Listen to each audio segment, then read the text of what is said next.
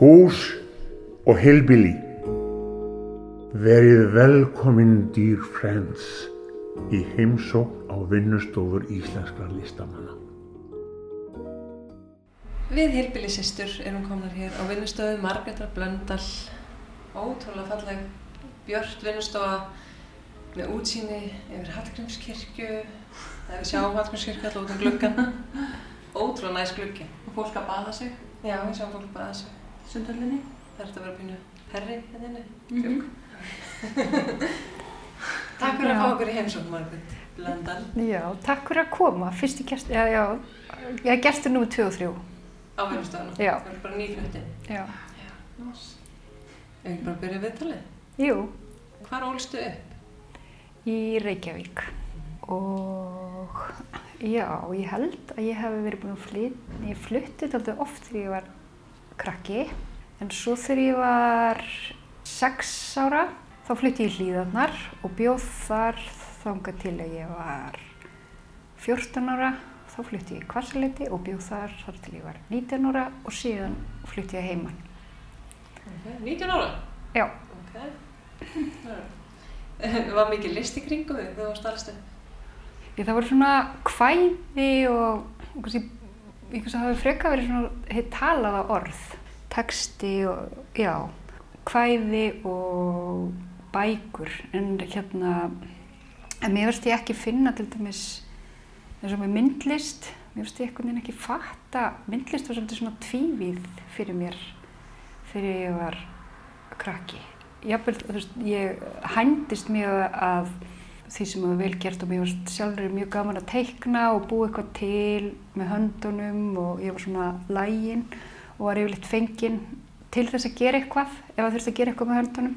En ég fattaði samt ekkert, ég skildi samt, mér varst ég eitthvað eins og svona myndlistin eins og ég skinja hana núna, ég skinja hana ekki þannig sem, sem krakki, þú veist, þá var myndlist frekar svona tvívið fyrir mér, þú veist, það voru svona myndir á veggjum og sumir voru svona flinkir að teikna og flinkir að mála og, og skúltúrar voru kannski bara höggmyndir sem að ég tengdi heldur ekki við nema bara til þess að hugsa váka þessi var flinkur, mm. en svo fattaði ég samt eftir því sem ég eldist að veist, svona tilfinningin innræðinu með mér, myndlistatilfinningin var til. Ég bara gæti ekki tengt á milli einhverja verka. Akkur ákvæmst að fara að læra myndlist? Af því að ég heitlaðist alltaf af og mér fannst mjög gaman að teikna og, ég fa- og hérna og það var kannski allt sem ég þótti svona skrítið. Ég, allt, sem já, allt sem var skrítið og svona öðruvísi, það talaði til mín. Og mér langaði, ég hafði heyrt um krakka sem voru í myndlistaskólanum í Reykjavík á barnanámskeiðum og mér langaði alltaf að fara en einhverju hluti vegna þá fór ég ekki. En svo þegar ég var í byrjaði í mentaskóla þá skráði ég mig sjálf og fór svona í grunnteikningu og módulteikningu og það bara uh, breytti, uh, gerði þessi mentaskóla ár mín bærileg. Mér fannst ekkert eins skemmtilegt eins og vera þar.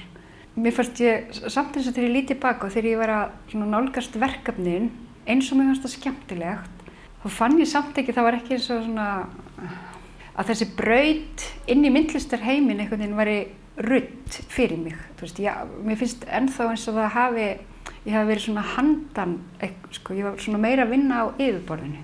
Ég, get, ég veit ekki alveg hvernig ég get útskýrt það. Ég, einhvern veginn, mér varst ég ekki svona skinja myndlist fyrir en ég fór í fjöltekni deild í LHI.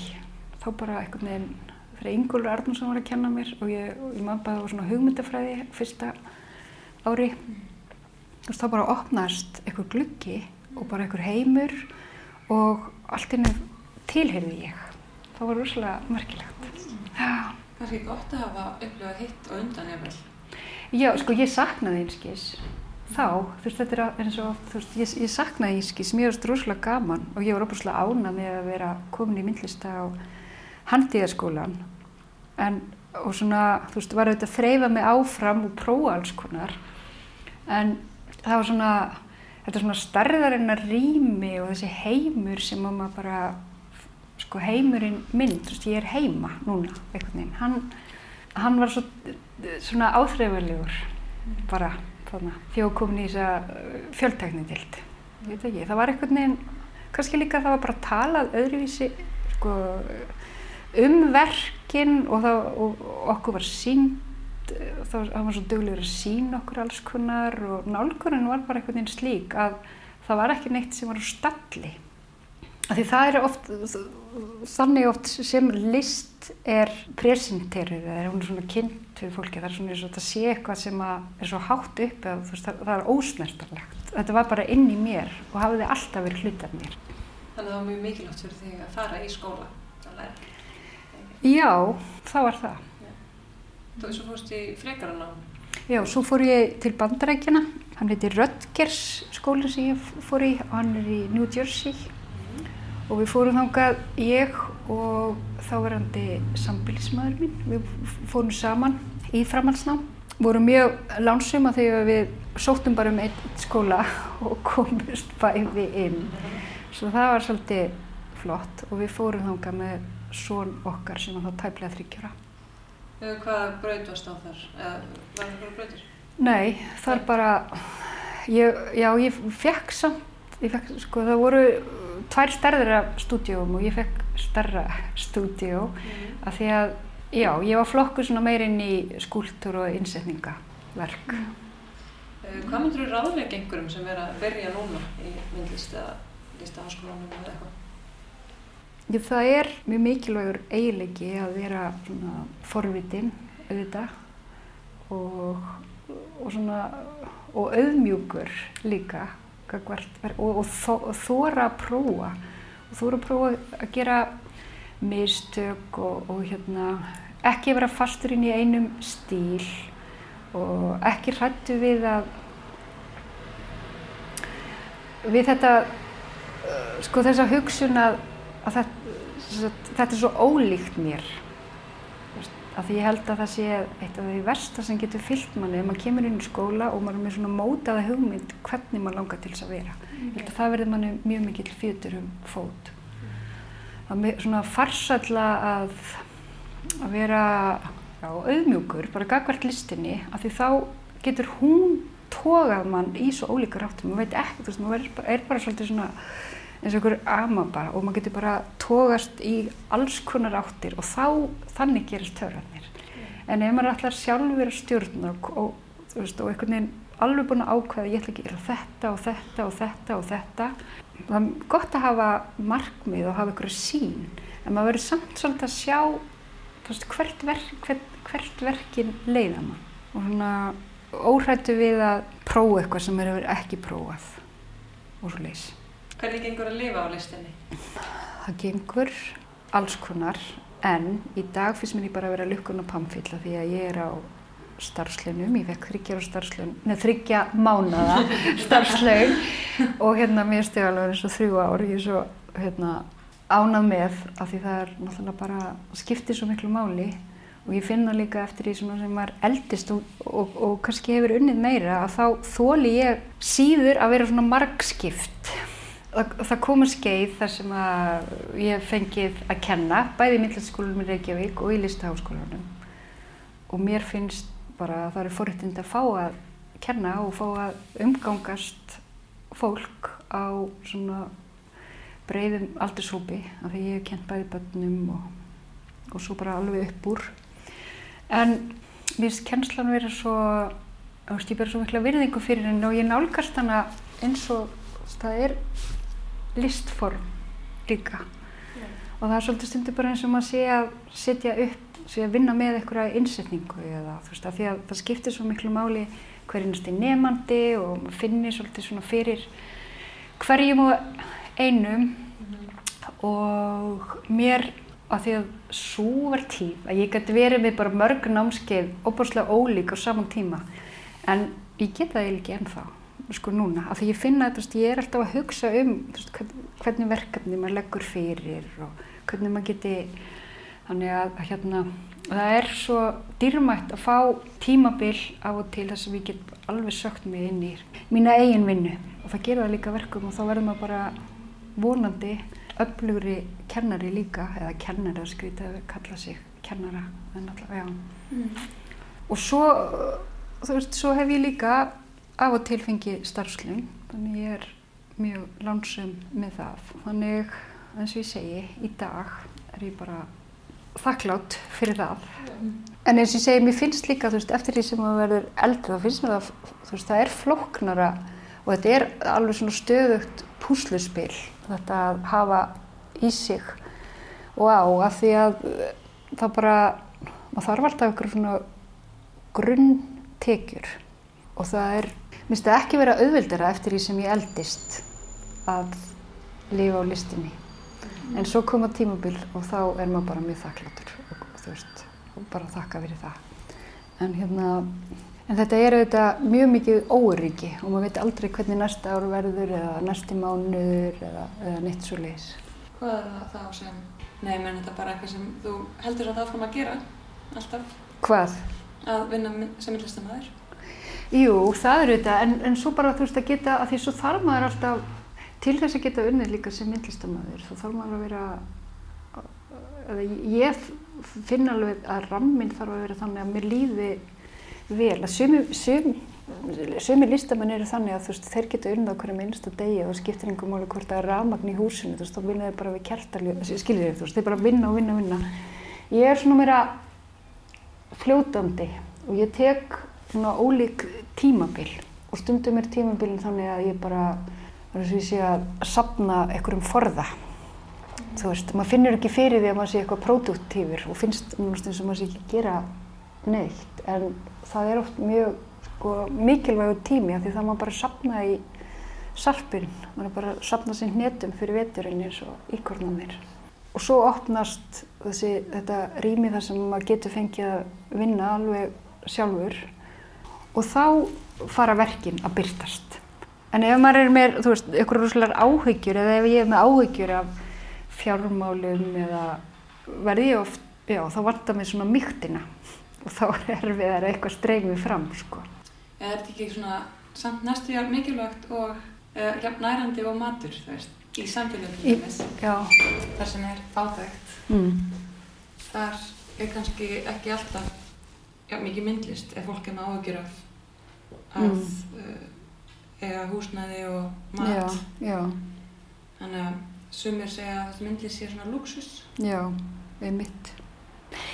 Já, en svo er það annað, þú veist, það er þetta með, eins og þú veist, hvernig kemst fólk í gegnum, það er samt, sko, eins og gildi þessara svona, já, lista og, og svona þessara andlegar næringar að hún er oft, það er oft þessi andlega næring sem að fleiti manni í gegnum mjög erfið tímabil. Og ég finna hérna var fræg bók eftir geðleikni sem hétt eh, hann hétt allavega Frankl af, af eftirnafni leitina tilgangi lífsins. Og þá hann sagt lifði af veru í útrýmingabúðum nazista og það var svo merkilegt því hann var að tala um altså, til þess að byrja með að þegar þeir voru allir að koma þarna samfangar hans að þá leitið þeir yfir og hugsa okkar þessi feit, feitistu er kannski eftir að lifa af. Og svo eftir viku voru allir róttum mjóir. Og þá var það þetta sko að sjá þetta að, að sjá fegurðina í augnablikinu og til dæmis þú veist kannski bara það var ein ljós skíma sem skein eða eitt sólargisli sem skein inn í klefan hans. Að bara svo fegurð eða það að geta sótt í þá minningu að þú veist þessi ljósgisli lísti kannski á kongulófið og allt innu bara það að geta dáðst að vefnaði til þess að það verður andlega og það er þetta til þess að þú getur þrauka og ég held í öllum erfileikum og sama hvað það er, þú veist, ef þú getur ef þú hefur þessi andlegu næringu að þá er svo margt sem getur glatt þig þú veist, þá er byrtan veist, og fegurinn bara í hversteginum og hérna, þú, lífi verður einhvern veginn svo miklu ríkulegra fyrir vikið.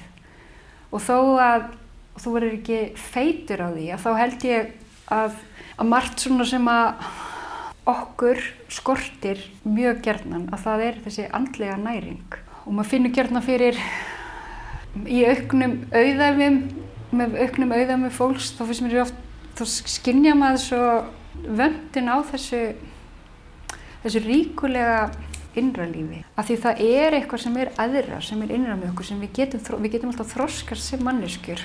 Og það er ákveðið líka, og við getum fundið það í mjög ólíkum listformum. En það skiptir úrslega miklu máli að rækta það. Listi kannski með bara mikilvægari ef eitthvað er í kreppum og svona. Og, og þú veist, Já. í rauninni, svona andla næring. Mm.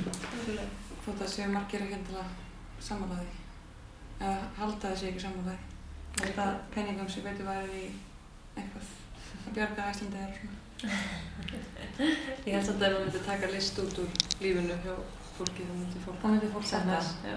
mm. Næsta spurning. Mm. Hvernig er sköpunarferðlið hjá þér? Það er svolítið svona, það, það er, það er kannski svona lótu tengt af því að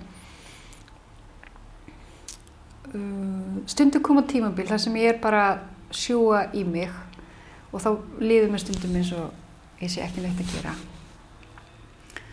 Og stundu koma tímabil kannski þar sem ég er, að, er bundin í annars konar vinnu eins og kjærslu og, og mér finnst og ég hef uh, ekki það yfirleitt vinn ég heima.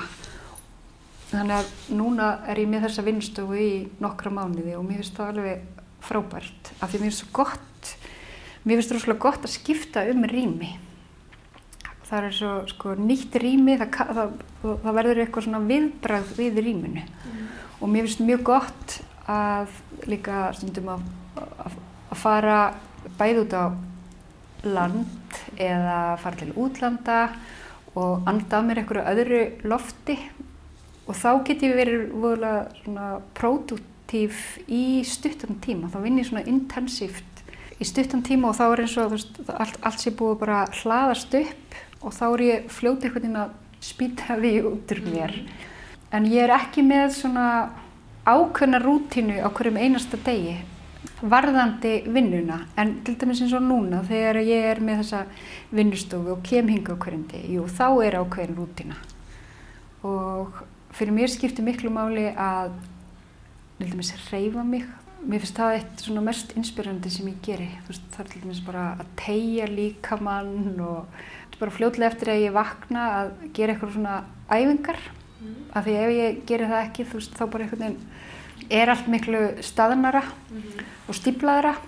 Þú veist, allavega, meðan að sá þóttur í sköpunarferlinu á sér stað þar sem að verkin eru að gerast, þau eru að framkallast, að þá verði ég að hafa svona sterkan ramma, til dæmis í sambandi við að það sé ekkert svona sem blokkeri, sko. Það verður svolítið svona að, að ná að vera svona opið, opið flæði.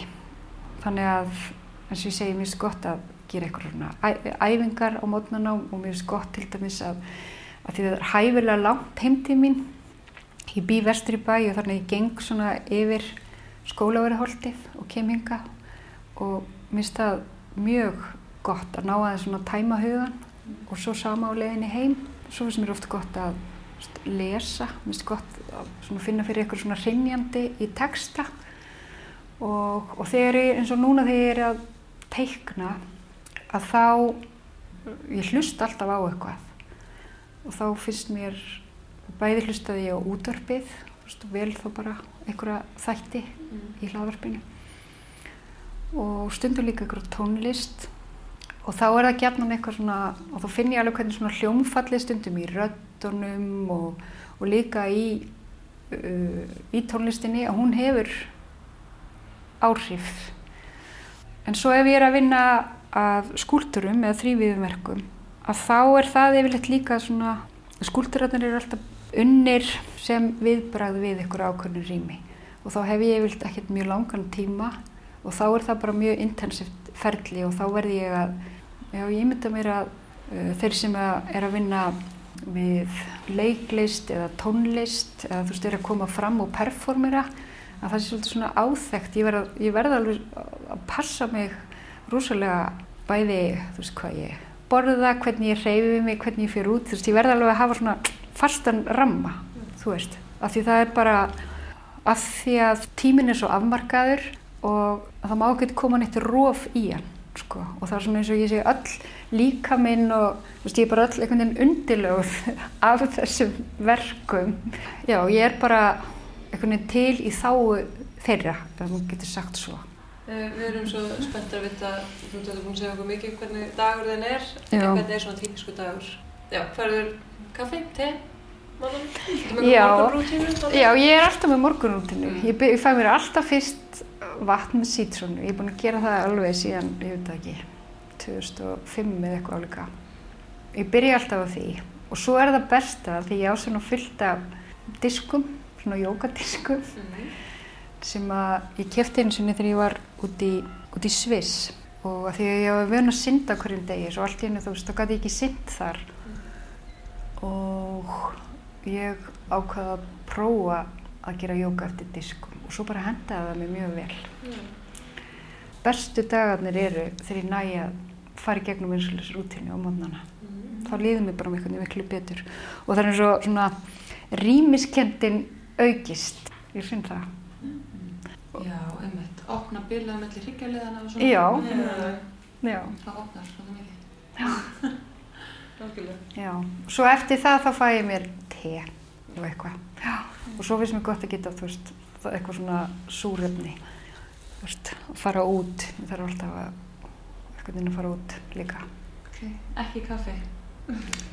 Nei, ég hef ekki, ég hef eitthvað svo viðkvæmt taugakerfi, ég bara, ég gæti ekki, ég, veist, ég fæ bara einhvern veginn svona hjarslátt og kvíða og alls konar ef ég fæ kaffi. Er bara því koffínlust te? Nei, nei, nei, ég fæ mig grænt te, bara á móðana.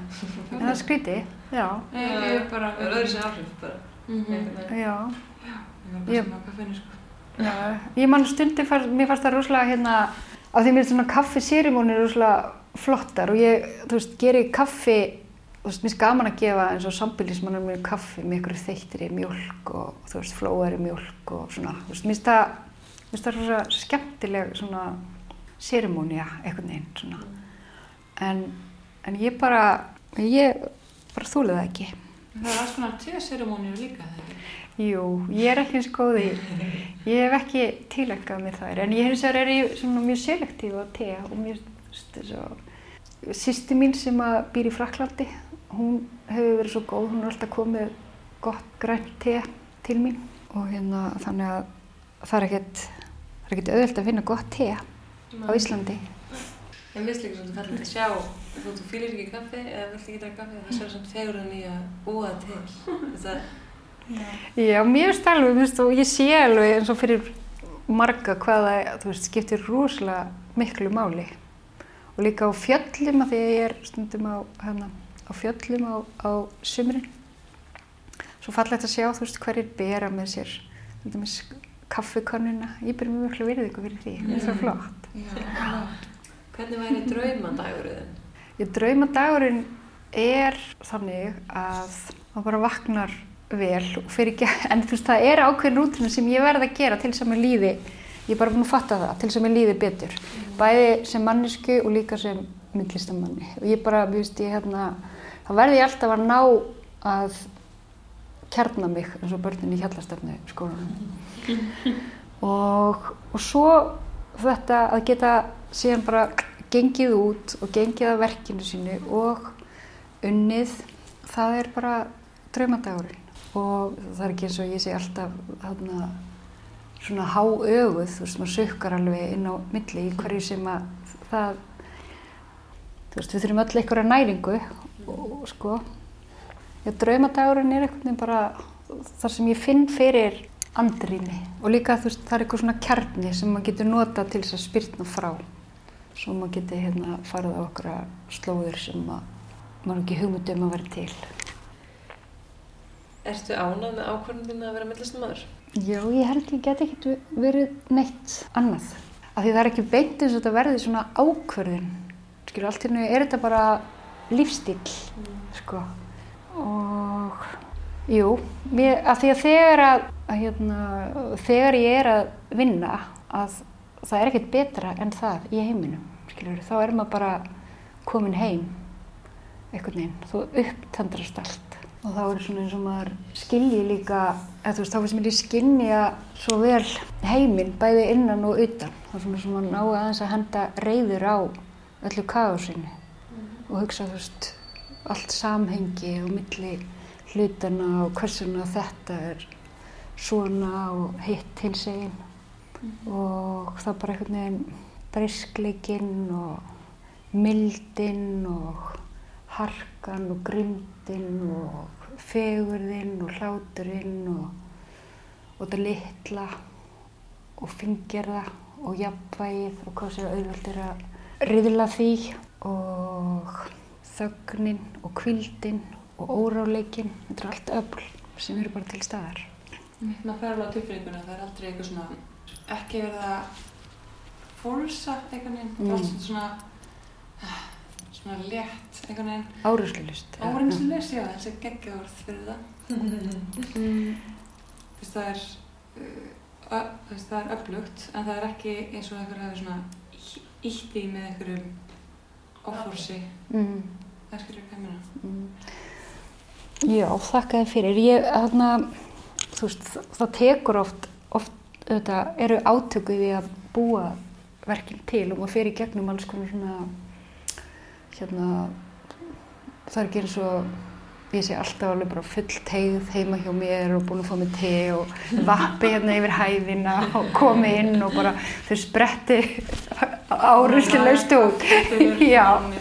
Já, það er ekki allt, þú veist, ég, það er náttúrulega ekki svo leiðist, þú veist, það oft koma margir dagar þar sem er bara einhver svona átök og mann finnst maður að gjörsamlega vera í rugglinu og, og bara, hérna, ekkert að gerast og, og, og einmitt, efast og hugsa bara, þú veist, oh, þú veist, hversna valdi ég þetta?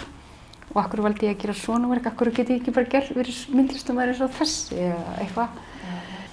En svo, það verða, þú veist, átökur þetta bara hluti af öllu og, og af því að það er líka þessi munur á eins og af því það er hægt að gera eitthvað svona sem er kannski áferðar fallegt eða þú veist, lítur ágætlega út en ég verð að finna það inn í mér að það sé á einhverju leið veist, það sé að fara eitthvað og það sé eitthvað það hafi eitthvað vægi skiljið og til þess að það komist tangað þá þarf maður ofta að editera og ef ég er að gera skúltur þá verður ég klippað á niður og, og vera kannski alveg stíf í sólring. En svo bara, þú veist, með því að þrauka einhvern veginn og komast í gegnum það þá, þá bara stundum eins og þau hafi bara sprottið, þú veist, þá er ég oft bara hissa, þú veist, þá er allt nögu, að því þá gerist það svolítið svona eins og einhvern hliðar að vera líka við mig, að því þá, að því ég verð líka að slökka á heilanum, ég finna, sko, höfuðið er oft, sko, langversti óvinnur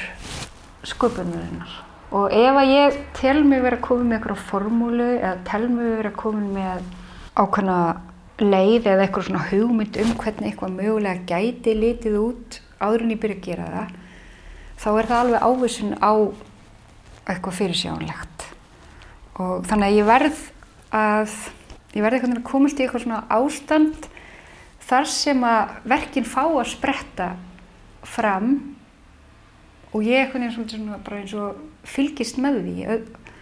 Og já, ég næ allavega að slökka á öllu sem heitir svona samt er þetta ekkert, þú veist, yfirskil sko, skil ég meina, ég, ég tala kannski eins og ég sé uh, viðfrétt í, í Delfi, en það er ekkert þú veist, þetta er líka bara eitthvað svona alveg plain, en ég finn það bara að höfuðið getur verið allt of vill vera svo ráðandi.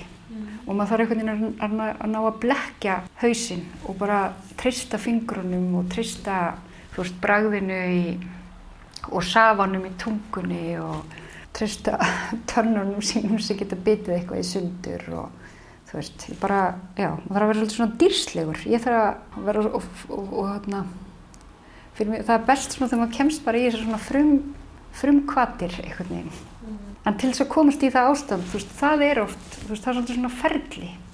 En svo þetta teikniferli, það er kannski, þú veist, það er ekki alveg eins mikil átök kannski í því, því það er kannski meira svona eins og, að ég get ekki sagt dagbókafærslur, en það er samt svona, það er svona meira eins og maður segja, það er á mörgur leiti minni átök finnst mér, svona minni innri átök, eins og, eins og ég er að gera, þegar ég er að gera skúltúra eða, veist, vinnaði innsetningu.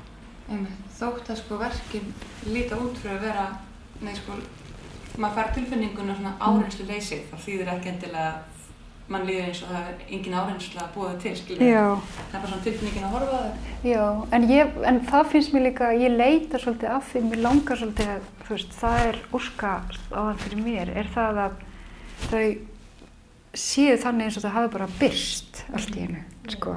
Jafnvel þó þú séu úr efnum sem að auðsynnilega geta ekki byrst, þú veist, þau eru greinilega gerða manna höndum, en þau hafa svona tilvísin í þetta sem að bara er og til þess að ná því, þá verður maður ofta já, þá verður ímislegt að vera búin að vera í gangi á undan sko.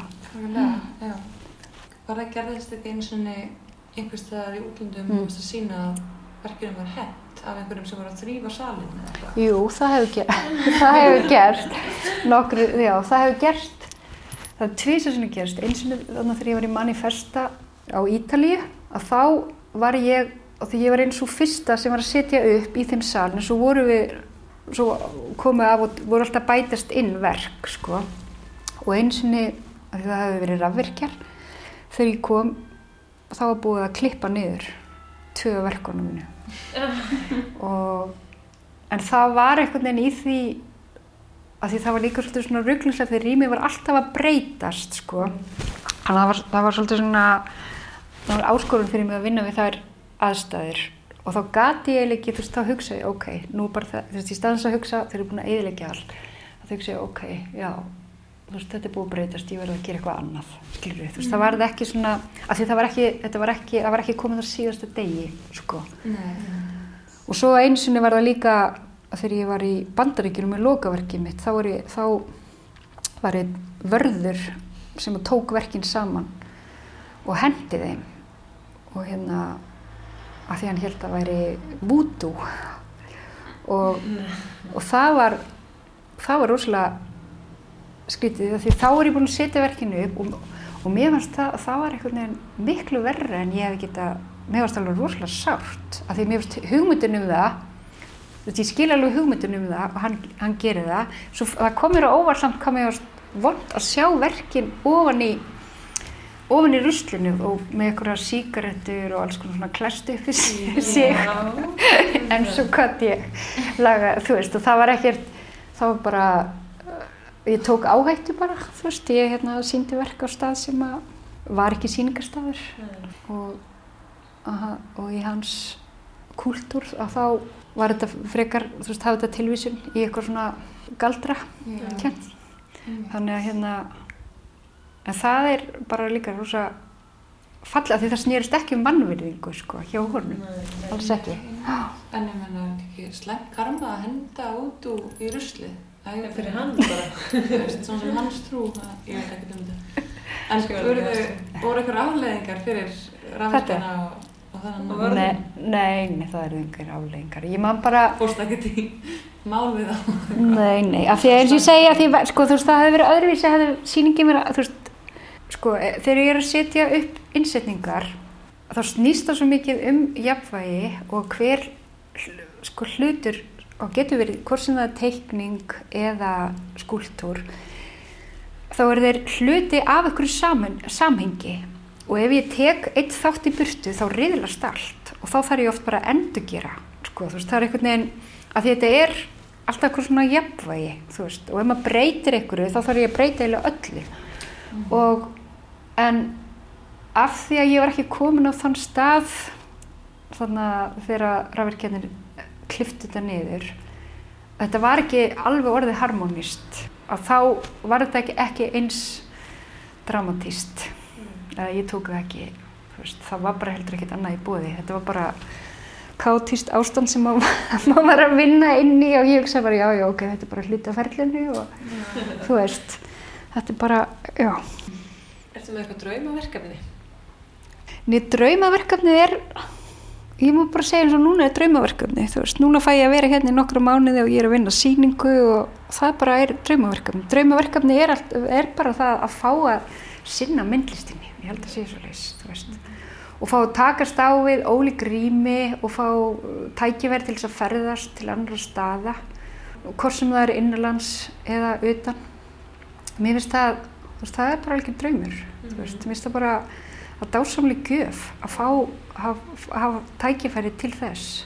Og svona og mér eins og fyrir mig persónulega þá hefur oft, oft verkefni það veist, að fá að taka þátt í síningum kannski ykkurum litlum bæjum sko, sem er ekkert endilega mjög virkir í myndlistarsenunni en, en bjóða upp á veist, ólík rými og bjóða upp á það að maður fá að búa á staðnum og svona anda að sér sérkenni landsins og, og staðarins, mér finnst það alveg sérstaklega dýrmætt sko, gott.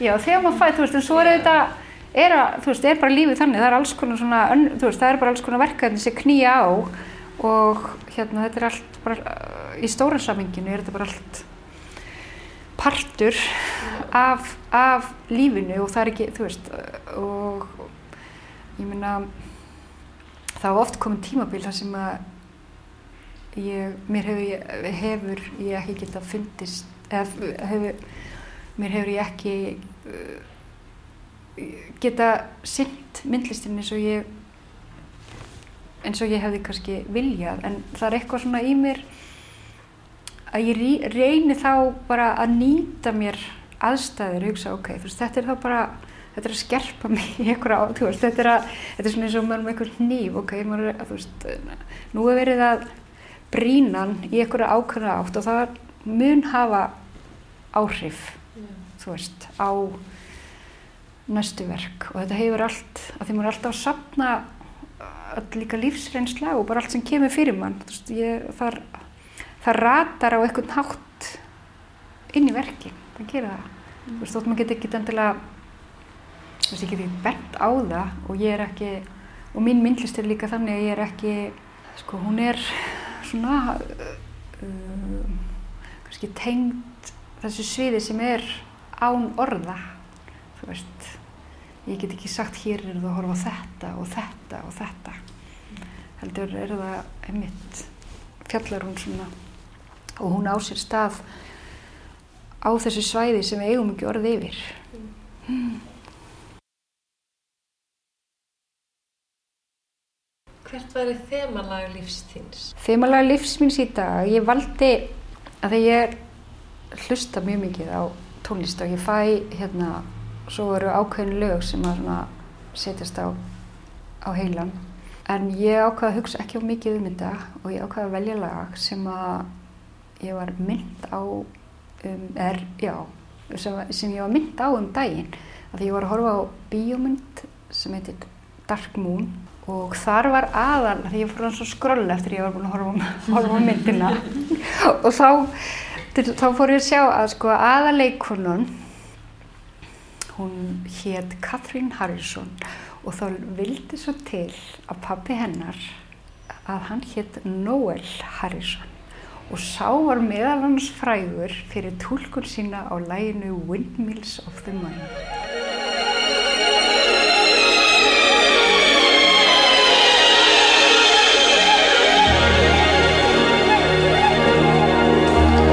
Round like a circle in a spiral, like a wheel within a wheel, never ending or beginning on a never spinning reel, like a snowball down a mountain or a carnival balloon. Like a carousel that's turning, running rings around the moon, like a clock whose hands are sweeping past the minutes of its face, and the world is like an apple whirling silently in space, like the circles that you find in the windmills of your mind. Það er í því eitthvað svona þrá og líka eitthvað svona, má segja kannski að það sé líka eitthvað svona eftirsjá, ég vil að ég sé ekki, ég vil ekki vera fyrir eftirsjá allavega, að þá er öllum mikilvægt að hafa eitthvað svona löngun og þrá í eitthvað sem maður fær ekki því um leiðum maður er búin að fá það að þá, þú veist, er búið að fyllast upp í það rými og þá, þú veist það er öllum mikilvægt að viðhalda einhverju svona löngun.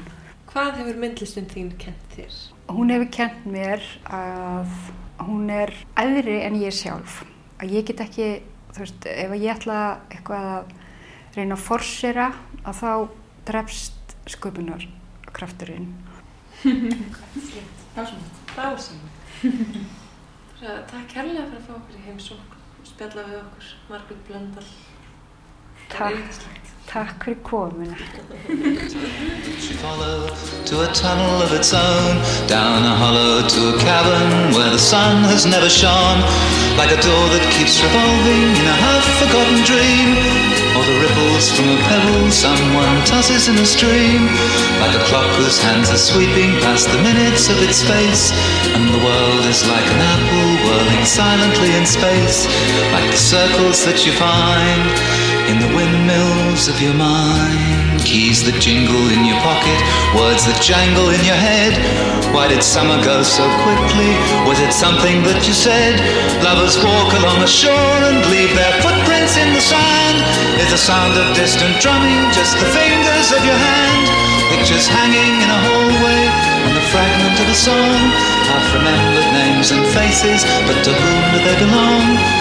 When you knew that it was over, you were suddenly aware that the autumn leaves were turning to the color of her hair. A circle in a spiral, a wheel within a wheel, never ending or beginning on an ever spinning reel. As the images unwind, like the circles that you find in the windmills of your mind.